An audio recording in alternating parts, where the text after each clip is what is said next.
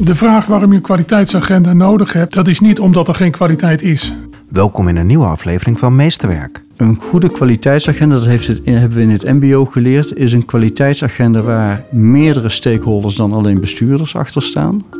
In deze aflevering ontmoet ik drie aanvullende bestuurlijke perspectieven: Arjan van Hel, Paul Omens en Peter van Lieshout.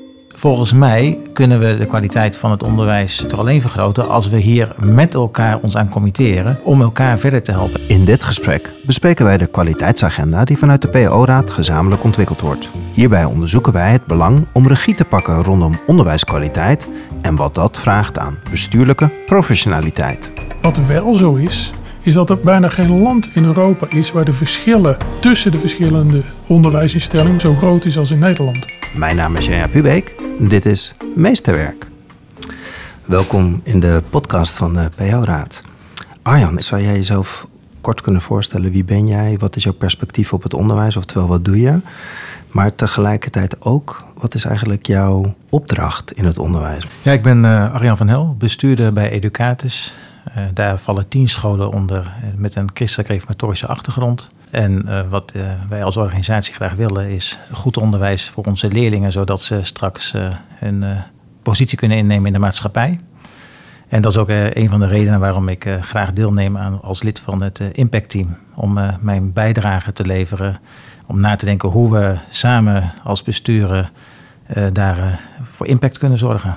Peter, kan jij aan de luisteraar vertellen wie ben jij, wat is jouw perspectief op het onderwijs en wat is eigenlijk jouw opdracht aan het onderwijs?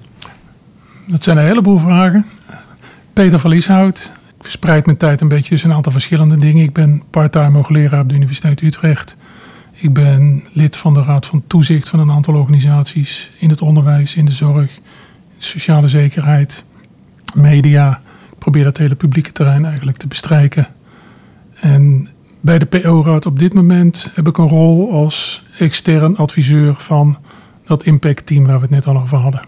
En als je dan al die gebieden analyseert en fileert en bekijkt wat er op termijn speelt en je vergelijkt dat met het buitenland, dan kom je eigenlijk bijna onvermijdelijk tot de conclusie dat in Nederland de grootste winst nog te boeken is door heel veel meer energie op onderwijs te zetten. Dus ik ben steeds meer zeg maar, in contraien van onderwijs terechtgekomen vanuit de vraag van hoe kun je daar op een mooie, goede, geleidelijke, stevige manier innovatie, ontwikkeling, kwaliteitsverbetering vormgeven. Want als we één ding in dit land moeten doen, dan is het dat wel. Paul, wie ben jij? Wat doe jij en waarom doe je wat je doet? Ja, ik ben Paul Omens. Ik ben sinds anderhalf jaar bestuurder van het Houten Meubeleringscollege. En voor die tijd was ik 9,5 jaar directeur van de MBO-raad. In die functie had ik het overzicht over wat er binnen alle publiek bekostigde MBO-instellingen speelt. Onder andere op het gebied van kwaliteitsafspraken, kwaliteitsplannen. Dus ik ben sowieso zeer vereerd dat ik aan deze podcast uh, mag meedoen. Vanuit het perspectief van een andere sector en wat we daar geleerd hebben en waar wellicht de PO-sector iets aan kan hebben. Nou, het, het, onderwijs doordrenkt jullie alle drie. Zo is het. En de kwaliteitsagenda staat centraal. Die is er waarschijnlijk niks voor niets. Arjan, uh, uit de losse pols, hoe is het gesteld met de kwaliteit van ons Nederlands PO-onderwijs, het primair onderwijs? Ik denk dat wij uh, in ons land kunnen kijken op een, een mooie PO-onderwijs. dat er goed onderwijs wordt gegeven. maar dat we dat nog veel beter voor het voetlicht kunnen brengen. En dat we er ook nog meer uit kunnen halen. En dan is het natuurlijk wel wat definieer je als onderwijskwaliteit. Als het gaat over onderwijskwaliteit in brede zin, dan denk ik dat we samen met elkaar uh, daar nog iets veel moois van kunnen maken dan we nu al doen. En ik denk dat de kwaliteitsagenda daar ook uh, iets moois voor biedt. En als jij kijkt, je bent bestuurder, hoe heb jij zicht eigenlijk op dat, op dat onderwijs? En hoe kan eventueel een agenda vanuit een PO-raad, vanuit de verschillende besturen, daar invloed op uitoefenen? Ik ben wel benieuwd naar de zeggenskracht van die kwaliteitsagenda? Ik denk dat die uh, kwaliteitsagenda uh, in ieder geval uh, helpend is, doordat we daar als bestuurders van de PO-raad, de leden van de PO-raad, heel duidelijk aangeven waarvoor we staan in de kwaliteit van onderwijs, in onze bestuurlijke professionaliteit. En dat heeft denk ik alles te maken met uiteindelijk de onderwijskwaliteit op de werkvloer. Wie wil je als PO-raad zijn? Wie wil je als individuele bestuurder zijn? En, en, daarom vind ik het ook mooi dat, dat de kwaliteitsagenda zich richt op enerzijds de professionele ontwikkeling van de bestuurder zelf. Uh, en anderzijds ook heel erg het, op het samen uh, de onderwijskwaliteit en de bestuurlijke professionaliteit versterken. Ja, want hoe gaat het jouw werk versterken? Nou, als je al ziet dat, dat hier in de kwaliteitsagenda uh, wordt gesproken over bestuurlijke visitaties, over accreditatie, over elkaar helpen in de onderwijskwaliteit te verstevigen, denk ik, als je elkaar daarop kan aanspreken en er, elkaar ook, en er ook voor elkaar bent, dat alleen al het gesprek met elkaar daarover en het reflecteren op elkaars kwaliteit, CQ onderwijs wat je wil geven, is helpend om zelf ook binnen je organisatie dingen verder te ontwikkelen. En daarmee toch een beetje vanuit de negatieve kant. Is het er dan nu te weinig? Is het dan nodig om die kwaliteitsimpuls te geven, om elkaar te helpen? Ik denk dat er in het land zijn er mooie ontwikkelingen uh, en die gaan ook heel regelmatig over, over samenwerken. Maar als je bijvoorbeeld kijkt naar, hè, er zijn toch ook, ook bestuurders die, die uh, soms tegenaan lopen dat de kwaliteit van onderwijs als onvoldoende wordt beoordeeld door de inspectie. Dan denk ik dat we met elkaar nog veel meer kunnen doen om dan een schoolbestuur te helpen die kwaliteit te verhogen. Door ook dan andere bestuurders aan zo'n bestuur te koppelen. En dan met elkaar te kijken. Er is ontzettend veel kennis en ik denk dat we op dit moment die kennis uh, binnen de PO-raad te weinig gebruiken om uh, elkaar te helpen. Paul, ik ben er wel benieuwd. Want jullie hebben net eigenlijk deze exercitie bij het MBO gedaan. Hè, in aansluiting op wat Arjen zegt. Van, kan je iets vertellen wat we kunnen leren van het MBO? Hoe is dat gegaan en wat kunnen we daarvan meenemen? Ja, voordat ik dat doe, is het wel gepast dat ik constateer dat het PO met bijna duizend besturen natuurlijk een totaal andere setting is dan het MBO. Dus ik wil het even aan de voorkant markeren. Wij verkeren in de gelukkige omstandigheid binnen het MBO dat wij 57 rechtspersonen hebben. Met meestal twee bestuurders. Dus je kunt een goede zaal vullen en dan kun je elkaar ook allemaal ontmoeten. Nou ja, bij het lezen van de stukken voorafgaand aan, uh, aan, deze middag uh, trof mij de vraag van wie is en voor wie is de, de kwaliteitsagenda. Hè? Dus ik heb in de stukken komt bij mij een beetje een beeld naar boven dat je als totale setting van bestuurders in het PO beducht bent voor een verdere centralisatie vanuit de Rijksoverheid. En dat dat mede de aanleiding is voor bestuurders om zich achter de oren te krabben en te zeggen van wat, wat willen wij nu eigenlijk en hebben wij een goed verhaal om die verdere centralisatie tegen te gaan. En die centralisatie die wordt dan bestuurlijk geladen met een aantal uh, adjectieven, uh, negatieve adjectieven, namelijk van nou moeten we dit wel willen, want juist in een autonome beschikking over lumsummiddelen kunnen we regionaal en lokaal betere afwegingen maken dan wanneer er vanuit een meer centrale regie beleid wordt gevoerd. En beleid kan dan zijn een stuk wetgeving, beleid kan ook zijn nieuwe subsidies, uh, waar je ook het een en ander van kunt vinden. Een goede kwaliteitsagenda, dat heeft het, hebben we in het MBO geleerd, is een kwaliteitsagenda waar één meerdere stakeholders dan alleen bestuurders achter staan. Twee, die een, een positieve insteek kent. Die als het ware de, de kwaliteit daar waar je publieke taak op gericht is, verder brengt. Dus probeer, als er al een sprake is van een zekere zorg voor centralisatie en dat dat, dat dat aanleiding is, dat kan niet de basis zijn van het verhaal achter de kwaliteitsagenda. Uh, je zegt vanuit zorg. Lees jij deze kwaliteitsagenda vooral vanuit een, een zorg vanuit centra, uh, centralisatie? Ik zie daar in sommige stukjes tekst uh, zie ik daar wat van. Mm-hmm. En ik gun de bestuurders in het PO om daar nog een keer over te reflecteren en, en met een een, een positief verhaal uh, te komen. Wat we in het MBO bijvoorbeeld hebben gedaan, is dat op de vraag van wat is nu kwaliteit, dat wij eigenlijk hebben gezegd, ja, kwaliteit is dat wat de wetgever in de kern beschrijft. Daar hebben we ook de uh, intern toezicht voor, we hebben extern toezicht. En onze kwaliteitsagenda's, die uh, kwalificeren wij een beetje als het loodsbootje. Daar zit ook geld aan vast. Dit ook in tegenstelling tot wat ik, wat ik lees. Want dit is een initiatief vanuit de bestuurders in het PO, zonder dat daar aparte financiële middelen aan verbonden zijn vanuit de overheid. In ons geval is dat wel het geval. Dat maakt ook dat wij natuurlijk gaan rennen en, en dat geld heel graag willen, willen allokeren. Dat is ongeveer 10% van, het, van de lump sum. Maar het helpt ons wel om het als loodsbootje te laten werken. Dus we hebben met onze lump sum vullen we onze wettelijke taken in. En het loodsbootje wil zeggen van, goh, zou je nou de komende tijd nog wat meer, meer aan, ik noem maar een willekeurig voorbeeld, aan alumnibeleid kunnen doen? Zou je in het mbo nog wat meer invulling kunnen geven aan de leven lang ontwikkelopdracht, gebruikmakend van? En zo zet je, zet je wel met elkaar een aantal thema's neer. Waarbij je zegt van nou, dit is iets wat misschien niet, niet nu in de kerntaken hoort, maar waar wij wel stappen nu gaan zetten. Onderstrepend de kwaliteit die het MBO heeft. Wel benieuwd, uh, Peter, wat jij uh, beluistert en wat er in jou omgaat. Want jij kijkt natuurlijk ook vanuit een wetenschappelijk perspectief naar deze kwaliteitsagenda. Er is al een hoop gezegd. Ja, ik, ik zou een paar andere accenten op sommige punten leggen. Kijk, de vraag waarom je een kwaliteitsagenda nodig hebt, dat is niet omdat er geen kwaliteit is, voor de helderheid. De, wel omdat er ambities zijn.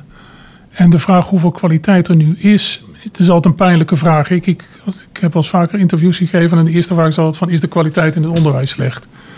En dat is in die zin een hele lastige vraag, dat ik ken bestuurders in het primair onderwijs, overigens ook in het voortgezet onderwijs, waarvan ik denk, joh, wat jij hier weet te presteren.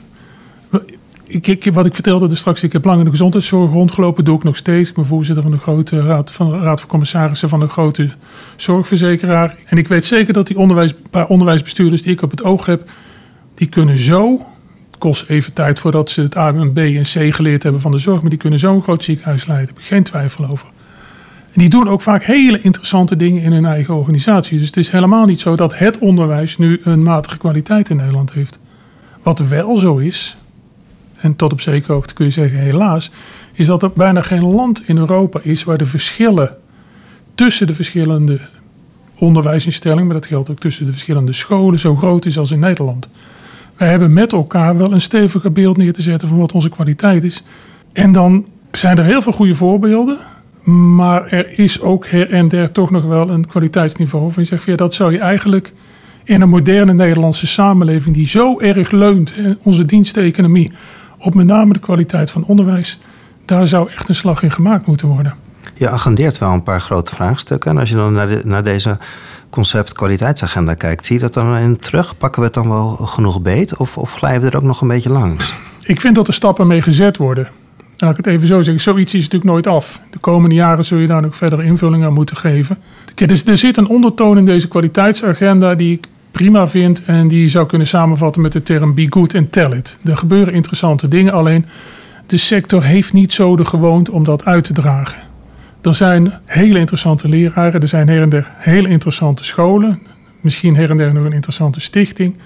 Maar dat is niet zichtbaar in het Nederlandse publieke discours. Er is niet bij Op 1 of bij Jinek of zo'n soort programma een onderwijsbestuurder die daar met een zekere regelmaat komt en die zegt van ja, nee, daar hebben wij ook een opinie over of daar hebben we ervaring mee of wij kijken zo tegen dit soort zaken aan. In de publieke beeldvorming is de kwaliteit van onderwijs niet zichtbaar. Dus dat be good and tell it, dat is wel een belangrijke opdracht.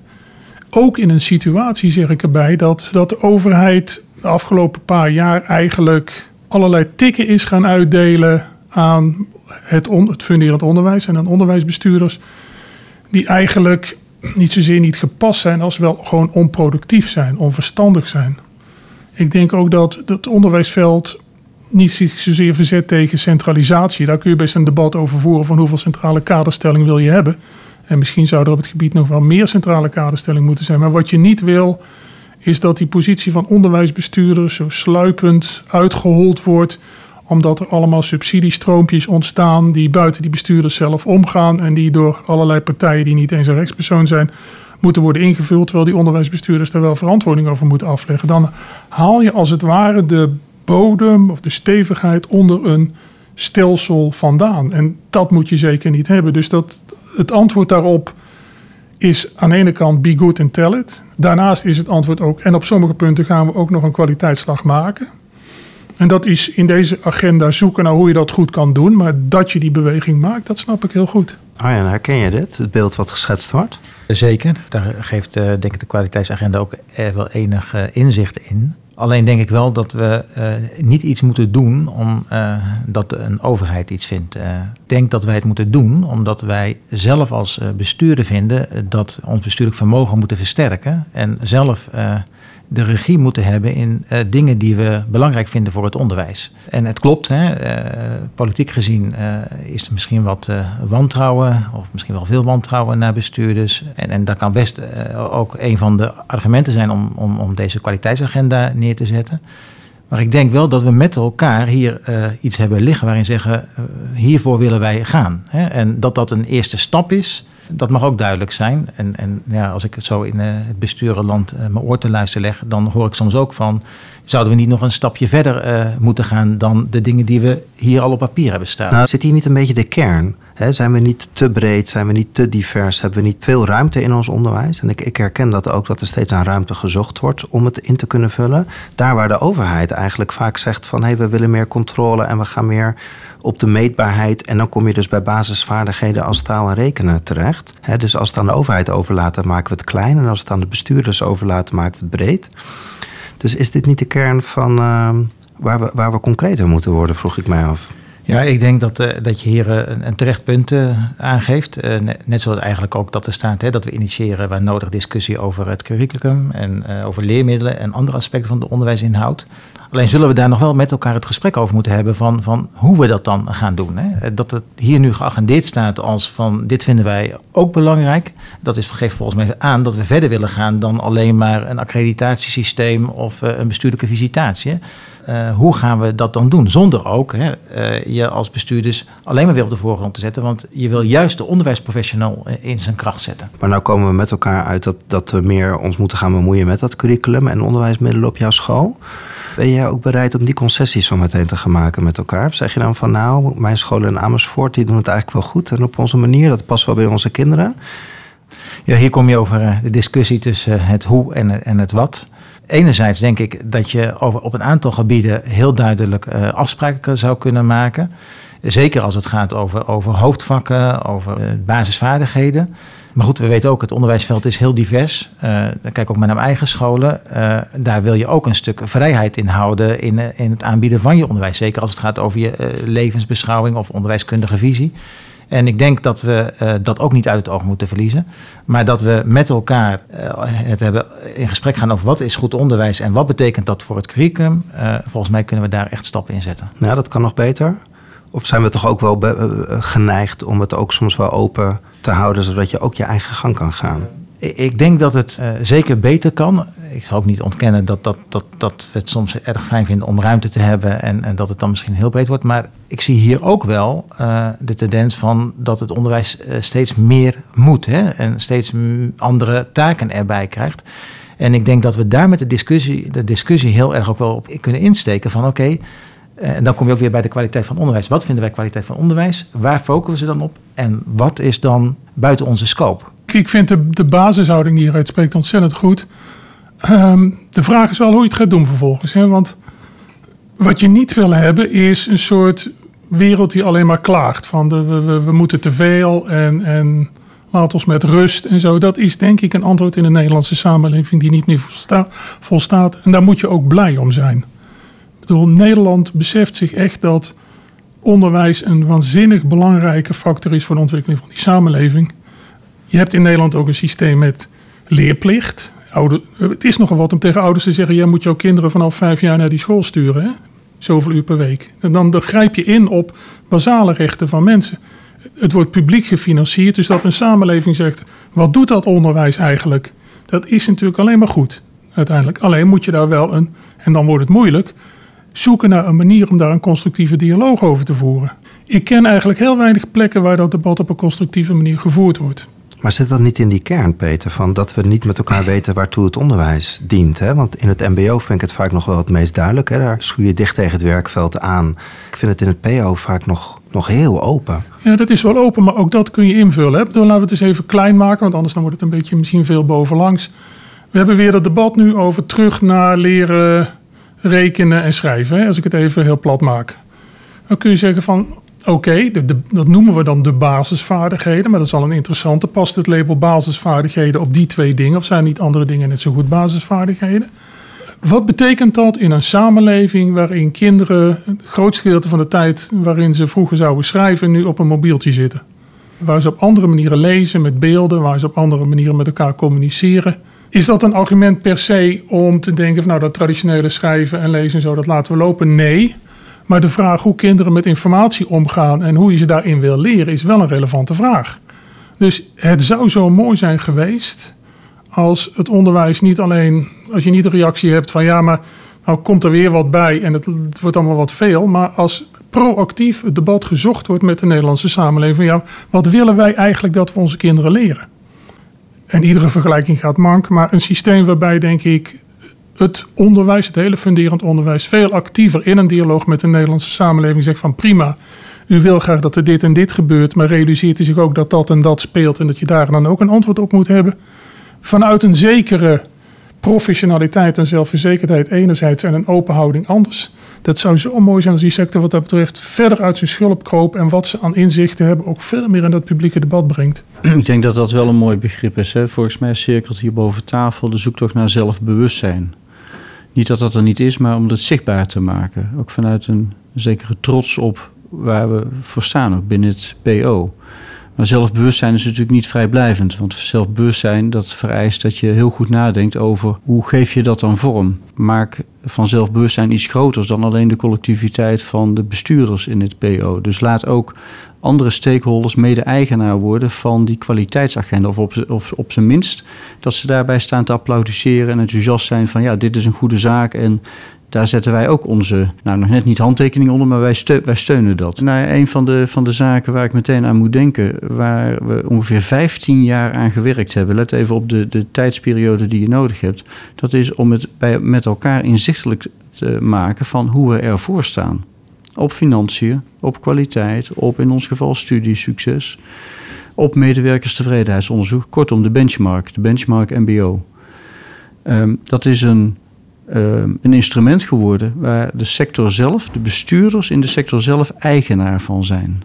Wij voelen onszelf eigenaar van die benchmark. Die benchmark geeft ons ook de mogelijkheid om bij elkaar in de keuken te kijken, maar ook daar waar het eng wordt, waar het interessant wordt, ook met elkaar het gesprek te voeren.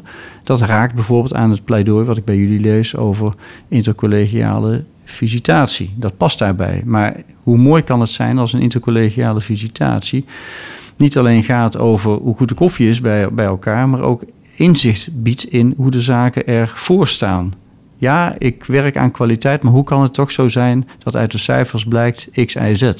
Dat is het gesprek en soms ook het niet comfortabele gesprek dat je met elkaar eigenlijk zou willen voeren en waar je ook elkaar weer mee verder helpt. Jullie lopen natuurlijk voor op het PO. Jullie hebben gewerkt aan vertrouwen vanuit die kwaliteitsagenda. Kan je iets vertellen hoe jullie met elkaar gewerkt hebben aan het stuk vertrouwen?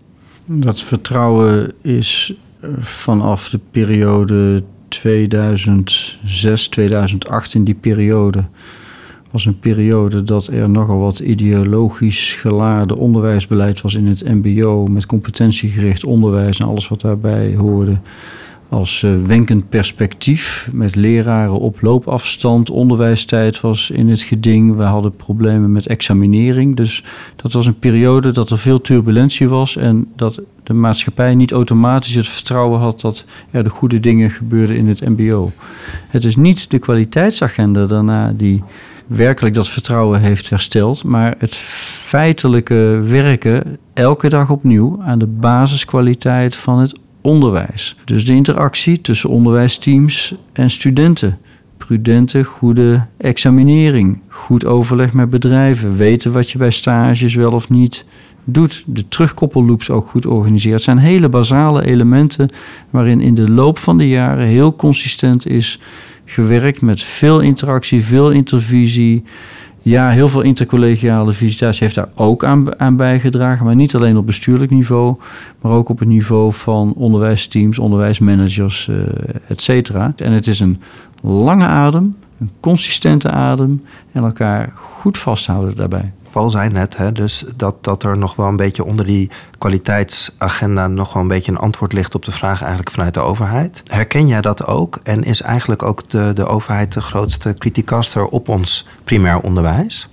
Ik herken zeker wat, uh, wat Paul zegt. Politiek uh, uh, uitzicht in ieder geval ook uh, vrij kritisch hè, op, op het onderwijs, zeker op, op besturen. Dus, dus dat deel ik. En ik deel ook wel uh, wat, wat hier net aan tafel gezegd wordt, uh, dat je de dialoog met elkaar moet aangaan. Hè, en met de politiek en met alle andere stakeholders. En volgens mij is dat ook wel wat, wat in de kwaliteitsagenda staat.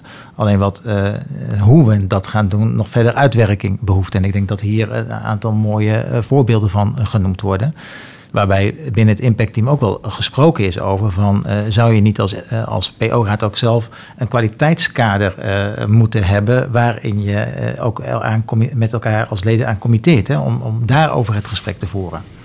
Ik lees bij jullie een zorg dat het subsidielandschap steeds diverser wordt en dat je straks ook als kleine entiteiten, kleine rechtspersonen naar al die subsidies op zoek moet gaan om het goede te doen. Ik hoor niet een discussie over de intentie achter die subsidies, maar wel over de werking van subsidies als beleidsinstrument om bepaalde maatschappelijke doelen te bereiken. Mijn vraag nu is, en nu ga ik hem spannend maken, is er een motief voor de PO-raad om een, goede lobbyagenda te maken om bij die subsidies stil te staan en te zeggen van zou je om, om een aantal van die subsidies, liefst het merendeel, een grote strik kunnen doen en die budget op een andere manier allokeren naar de besturen toe van alle PO-scholen. Met als ruil, hè, dus weg met die subsidie, maar in ruil daarvoor wel, dat kan via een jaarverslag, dat kan, daar kun je verschillende manieren voor bedenken. Een goed verhaal van waar ga ik dan, gegeven de publieke doelen waar die subsidies aan verbonden zijn, waar ga ik de komende jaren op inzetten? En kan ik daar ook in mijn jaarverslaglegging daarover dan reflecteren? Op die manier doe je recht de intenties die er ook politiek en maatschappelijk leven ten aanzien van bijvoorbeeld professionalisering. Alleen je, je helpt als het ware de overheid, je helpt ook het politieke discours om dat op een andere manier te allokeren. En in ruil daarvoor hoort daar natuurlijk een bepaalde activiteit bij en ook een zekere verantwoording over die activiteit, waarbij het voordeel voor de bestuurders is een bundeling ervan. Dat lag er natuurlijk ook voor een gedeelte onder. Hè?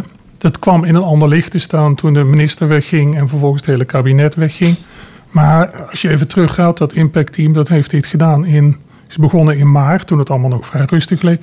Vanuit de constatering, die echt in de sector denk ik wel breed gedeeld wordt, van we zitten in de foute film. Je ziet dat de, de beeldvorming over die bestuurders steeds slechter wordt.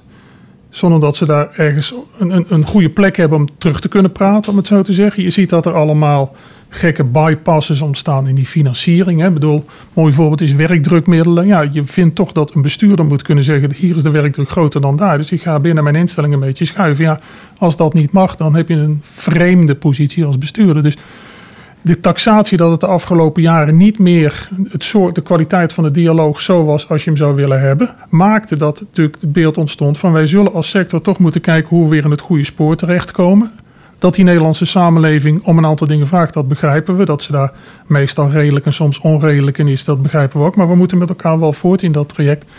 Maar dan werkt het niet, in die zin vond ik dat wel verstandig van de PO-raad, om alleen maar te gaan roepen van jullie zijn slecht en jullie zien ons niet staan en jullie deugen niet en wij worden niet gehoord en we zijn Calimero en alle andere dingen. Want dat slaat ook plat. Dat werkt natuurlijk helemaal niet. Dus er ontstond het idee van wij gaan ook met elkaar stevig neerzetten waar wij voor staan. En voor gedeelte doen we het goed en op sommige punten moeten we het beter uitleggen. Maar we beseffen ook dat kwaliteitsverschillen in de sector zo groot zijn dat wij wel moeten zoeken naar manieren om daar iets aan te doen. Als het kan op een vriendelijke, steunende, vrijwillige manier, maar als het moet op een wat minder vrijblijvende manier. En in ruil daarvoor wensen we dan wel het gesprek te kunnen voeren over de condities waaronder wij dit goed kunnen gaan doen. En in maart was de hoop, oké, we beginnen eerst maar eens met het neerzetten van onze eigen propositie waar we zelf toe bereid zijn. En daarna zal dat gesprek plaats moeten vinden. Maar we beginnen niet vanuit het verwijt, we beginnen vanuit wat wij zelf in dat hele proces denken, zelf vinden dat wij zouden moeten doen. Maar in een of andere vorm kun je voorspellen, zal dit ergens, hè, de manier waarop jij dat ook schetst, straks weer op tafel komen. Misschien bij formatiebesprekingen, misschien net daarna, maar het zal op tafel komen. Als we met elkaar collectief zeggen van dit zijn de thema's waarop eh, wij het onderwijs eh, willen versterken, verbeteren. En dan ook het vertrouwen krijgen eh, om, om daarmee aan de slag te gaan. dan denk ik dat besturen ook bereid zijn om die verantwoording prima via jaarverslag te doen. Maar dan kun je wel de juiste keuzes maken voor je organisatie hè, of voor het onderwijs in Nederland. Hoe ga je om met de rechtspersonen die zeer klein zijn, hè, waar het bestuurlijk vermogen beperkt is? Laten we dat ook gewoon met elkaar dan verkennen. Want wij zien ook in het MBO dat de zeer grote scholen met een behoorlijke staf makkelijker in staat zijn om bepaalde bijvoorbeeld plannen op te stellen dan de hele kleintjes. De open vraag is, hoe ga je hiermee om? Het is natuurlijk een heel pijnlijk punt. Hè? Dat, dat, dat, dat wordt ook wel een beetje gemeen. Maar uiteindelijk diezelfde vraag speelt bij pensioenfondsen. Wij vinden dat er veel te veel kleine pensioenfondsen zijn die niet meer kunnen doen wat ze zouden moeten doen. Het speelt bij woningcorporaties. Idem dito. Het speelt bij gemeentes. Heel pijnlijk punt. Hè? Twintig jaar geleden heeft de VNG een keertje gezegd... we gaan terug naar 60 gemeentes. Nou, de VNG het bijna opgegeven. Je ziet uiteindelijk, denk ik, in al die sectoren... als je de les daaruit trekt, bijna hetzelfde mechanisme... van ja, juridische grootte is geen factor op zichzelf. Dat is niet wat interessant is. Interessant is of de kwaliteit geboden kan worden... die je vindt dat geboden moet worden. Dus we gaan in Nederland proberen strakker te zijn over de vraag wat, welke kwaliteit nodig is. En dan is het aan die organisaties om te kijken wat ze daar aan bestaffing en aan organisatievormen voor nodig hebben, die passend zijn. En dan krijg je, en dat, dat kan best een overgangsfase zijn. Hoor. Ik, ken voor het woningcoöperaties, dus even, hebben we het even niet over het onderwijs, die klein zijn. Ja, die moeten van de autoriteit woningcoöperatie bijvoorbeeld een compliance officer hebben. Hè? Of die moeten eisen, eh, stellen eisen aan de controller. Nou, dan heb je drie woningcorporaties die samen één controller aanstellen. Dat kan. Of dat een echt efficiënte vorm is, of dat het een opstap is naar een volgende fase. Dat zal in dat hele proces moeten blijken. Maar dat je het proces aanvliegt vanuit de vraag: wat vinden we adequate kwaliteit? En dan de organisaties in eerste instantie laat van organiseren het zo dat je die kwaliteit kan leveren. Dat is wel de meest zuivere aanvliegroute. Is fusie dan uh, de uitkomst van een mogelijk proces, Peter? In, in, in 70% van de gevallen wel, ja. Maar in 30% van de gevallen zie je andere oplossingen iedereen kan het zich nog herinneren. Twintig jaar geleden, of nou tien jaar geleden nog. Plasterk was zo'n voorbeeld. Gemeentelijke herindelingen. Nou, iedereen stond op achterste benen. Ik kreeg één superprovincie, geloof ik, als ik me nog kon herinneren. Utrecht en Noord-Holland en zo moesten fuseren. Nou, dat is allemaal platgelegd. En de redenering daarachter is van... wat voor kwaliteitseisen stellen we aan gemeentes? En het proces van schaalvergroting bij die gemeentes ging minstens zo snel... als de periode dat het gedwongen was. Maar dan moet je wel op het niveau van je kwaliteitseisen een aantal dingen durven benoemen die ook niet geheel vrijblijvend zijn. Dus mijn voorspelling is dat het traject langs die lijn verder vorm gaat krijgen. Een andere uh, vraag in die lijn wellicht is: uh, de, uh, vanuit het ministerie, vanuit de overheid hoor je vaak evidence-informed onderwijs. Mm -hmm. daar moeten we meer in zetten. Hoe, hoe, hoe kijk jij naar dat vraagstuk als het gaat over onderwijskwaliteit?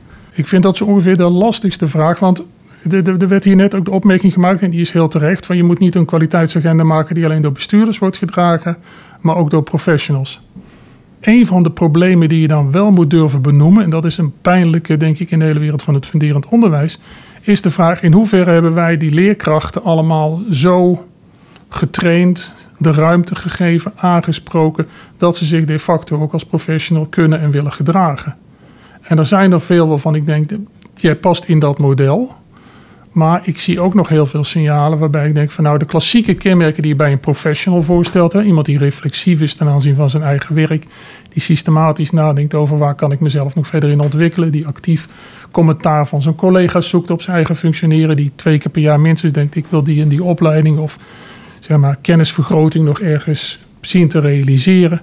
Nou die kenmerken die kloppen bij een aantal maar die kloppen niet bij alle leerkrachten. Uh, Peter, om het onderwijs heen uh, gebeurt er ook een heleboel. De, de, de uitgeverijen spelen ook een belangrijke rol. Als je kijkt naar de onderwijskwaliteit in relatie tot wat zich allemaal aandient op de onderwijsmarkt. Wat is dan jouw perspectief?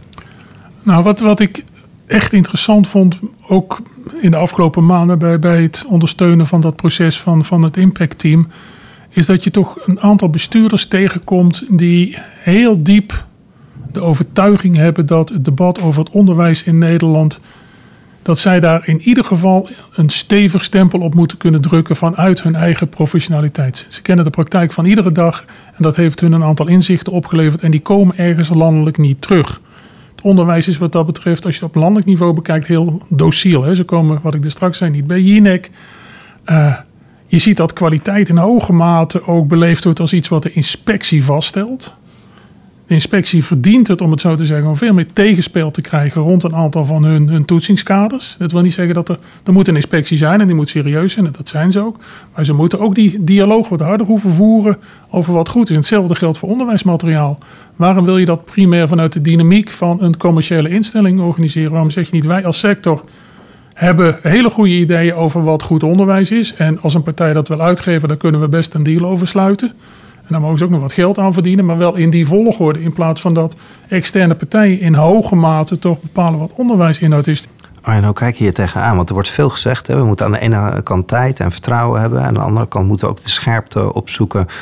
En elkaar spiegelen en, en weer verder brengen. Dus soms lijkt het wat tegengesteld. En de PO-raad, dat zijn wij. Hè? Wij zijn de PO-bestuurder. Dus jij moet het doen. Hè? En, en hier ligt een, eh, een papiertje voor ons, een concept kwaliteitsagenda, waarmee jij uh, in het onderwijs dat PO uh, de kwaliteit wil versterken. Ik heb inderdaad een, even een poosje geluisterd naar bij de collega's aan tafel. Je ziet nu eigenlijk al een nadere invulling komen van de kwaliteitsagenda. Hè? En dat is mooi, maar ik zou ook wel graag dat binnen de vereniging verder dat gesprek willen hebben. Waarbij ik de aanname van zet die onderwijsprofessional in, in zijn of haar kracht uh, een hele belangrijke is. En uh, als uh, de onderwijsprofessional zelf daarin ook een actieve rol gaat spelen, dan ga je het ook weer hebben over kwaliteit van onderwijs. Daar moet dan ook wel tijd, tijd en, en ruimte voor gemaakt worden binnen de huidige, binnen de setting, om, om dat goed vorm te geven.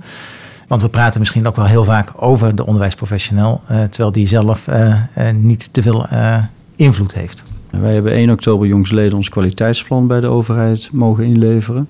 Daaraan voorafgaand was een inspraakproces met stakeholders, waarvan een van de belangrijkste elementen is een instemmingsrecht op het kwaliteitsplan van het personeel, in mijn geval bij het Hout- en Meubeleringscollege. Die hebben ingestemd met het kwaliteitsplan. Op 16 maart jongsleden was het hele personeel samen aanwezig om via een aantal kijkrichtingen van het bestuur mee te denken, mee te filosoferen. Wat zullen we dan doen?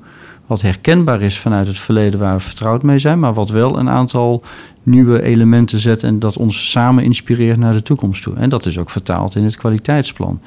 Dus er zijn methodes om, goede methodes, en dat is ook bestuurlijk denk ik heel wijs om te doen, om de energie aan de voorkant zo te organiseren dat de professionals meedoen aan de transitie naar een nog hogere kwaliteit. Uh, dan nu naar de toekomst toe. Je, je lopen voor met de MBO. Wanneer is de concept kwaliteitsagenda voor het PO wat jou betreft een beetje klaar? Wanneer is het geen concept meer? Wat zou je nog mee willen geven daarvoor? Een kwaliteitsagenda is nog succesvoller wanneer je ook samen afspraken kunt maken. Dat je ook samen verder komt. Ik sprak laatst met een netwerkje van HR-professionals uit diverse sectoren, PO, VO en MBO. Die zeiden letterlijk: wij krijgen nu uh, prikkels vanuit onze bestuurders om op het gebied van HR-management het een en ander te doen. Maar wat zou het een zegen zijn, Paul, zeiden ze letterlijk tegen mij, wanneer wij in deze regio nu eens echt goede afspraken maken dat iemand die een hogere schaal bij een collega kan verdienen, niet meteen wordt weggekocht daar. Hele basale zaken. Ook dit zijn natuurlijk enge onderwerpen van nou, ga, er maar aan staan. Maar waarbij ik dan denk, uh, als ik naar huis ga, van ja, als, dit soort basale, als je op dit soort basale elementen goede afspraken kunt maken, kun je vervolgens ook makkelijker dat kijkje bij elkaar in de keuken nemen. Kun je elkaar makkelijker op bij intercollegiale visitaties ook helpen met een aantal onderwerpen. En al helemaal als je een benchmark hebt. Peter, ik ben wel benieuwd hoe jij kijkt naar de kwaliteitsagenda en, en een antwoord kan geven op wanneer is die eigenlijk klaar? Hij is wat mij betreft geslaagd als hij er in resulteert dat in de sector een soort beweging op gang komt van zelfverzekerd doorwerk aan je eigen kwaliteit. En dat klinkt als een cliché misschien, maar deze agenda is nooit af. Daar komen steeds weer nieuwe dingen bij ze. Hij moet altijd concept blijven. Ja, dus zo zou je het kunnen zeggen. Maar een Nederlandse samenleving is in ontwikkeling. En daarom is de plaats van onderwijs ook in ontwikkeling. En die dialoog zul je steeds met elkaar moeten voeren. En dat is ook helemaal niet erg. Het is ook niet zo dat het funderend onderwijs, zeker ook het primair onderwijs, nou per definitie op alle punten slecht is. En eindelijk een beetje het niveau van anderen moet gaan bereiken. Dat Calimero-gevoel, dat is, dat is niet aan de orde. Ik vind de gemiddelde docent in het primair onderwijs, om nog eens een andere bouten statement te maken, beter dan de gemiddelde docent aan een universiteit. Als het gaat over hoe je echt goed onderwijs geeft. Ik werk zelf aan de universiteit, dus ik weet in die zin waar ik het over heb. Maar voordat je met elkaar in de hele sector kunt zeggen: oké, wij zijn met z'n allen op een soort niveau wat de Nederlandse samenleving van ons verlangt. Of waarin we in ieder geval de gesprekspartner kunnen zijn. En dat zichtbaar in media op allerlei plekken. En dat gaan we de komende twintig jaar doen. Ja, dat is eigenlijk waar je het over wil hebben. Dat die vorm van systematische dynamiek en zelfverzekerdheid aanwezig is. Arjan, de, de, de moeilijkste vraag misschien aan jou. Als we met deze concept uh, kwaliteitsagenda, die we concept kwaliteitsagenda blijven noemen, aan de slag gaan. Hoe, hoe weten we dat we het goed doen? Ja, volgens mij is dat uh, ook iets uh, wat je blijvend met elkaar, uh, elkaar aan moet spiegelen. En ik denk dat dat ook betekent dat inderdaad deze agenda nooit klaar is. Omdat op het moment dat we de afspraken, en ik hoop van harte dat we als, als leden van de PO-raad hier in november gewoon volledig achter staan. Ook als een belofte naar, naar de samenleving toe. Hè, van hier staan wij voor. Dan ben ik ervan overtuigd als we dat gaan uitdragen en hiermee aan de slag gaan, dat er over een jaar of twee jaar alweer een vervolg komt op deze kwaliteitsagenda. Omdat dat om verdieping en, en, en wellicht ook andere accenten vraagt. Dus voor mij is de kwaliteitsagenda zoals die er nu ligt geslaagd als die ook gewoon door de leden omarmd wordt om hier echt daadwerkelijk mee aan de slag te gaan in dialoog uh, met, met, met de politiek en andere stakeholders. Er komt een rare beeldvorming in mijn hoofd op. Dat is, je kan geen ombeletje bakken zonder een eitje te breken.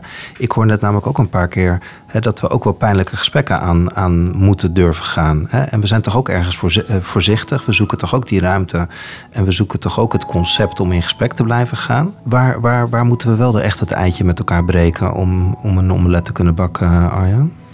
Ik denk dat we uh, een aantal harde afspraken hè, over kwaliteit eisen van het onderwijs, of nou, neem ook even als het gaat over accreditatie, uh, uh, dat we daar elkaar kunnen op aanspreken. Er staat iets in de kwaliteitsagenda over leden eisen om, om lid te worden van de PO-raad, waar je aan moet voldoen. Ik denk dat dat al eitjes kraken zijn ten opzichte van, van het verleden. Hè. Ja, volgens mij gaat het hier om de kracht van het collectief. Uh, en je hebt elkaar nodig om je onderwijskwaliteit te verbeteren. Het is volgens mij niet zo dat je alleen richt op de, op de collega's waar het niet goed gaat. Je richt je op de hele sector. Alleen sta je elkaar bij uh, als het wellicht een keer uh, hier of daar wat minder goed gaat. Waardoor je de kennis en ervaring van andere bestuurders gebruikt om in je eigen organisatie of breder voor de sector van dienst te zijn. Dus volgens mij kunnen we de kwaliteit van het onderwijs uh, en daarmee, wij spreken ook het vertrouwen in de sector alleen vergroten als we hier met elkaar ons aan committeren uh, om elkaar verder te helpen. En dat zal uh, hier en daar ook betekenen dat je soms een stukje van je eigenheid moet opgeven om het brede belang te dienen.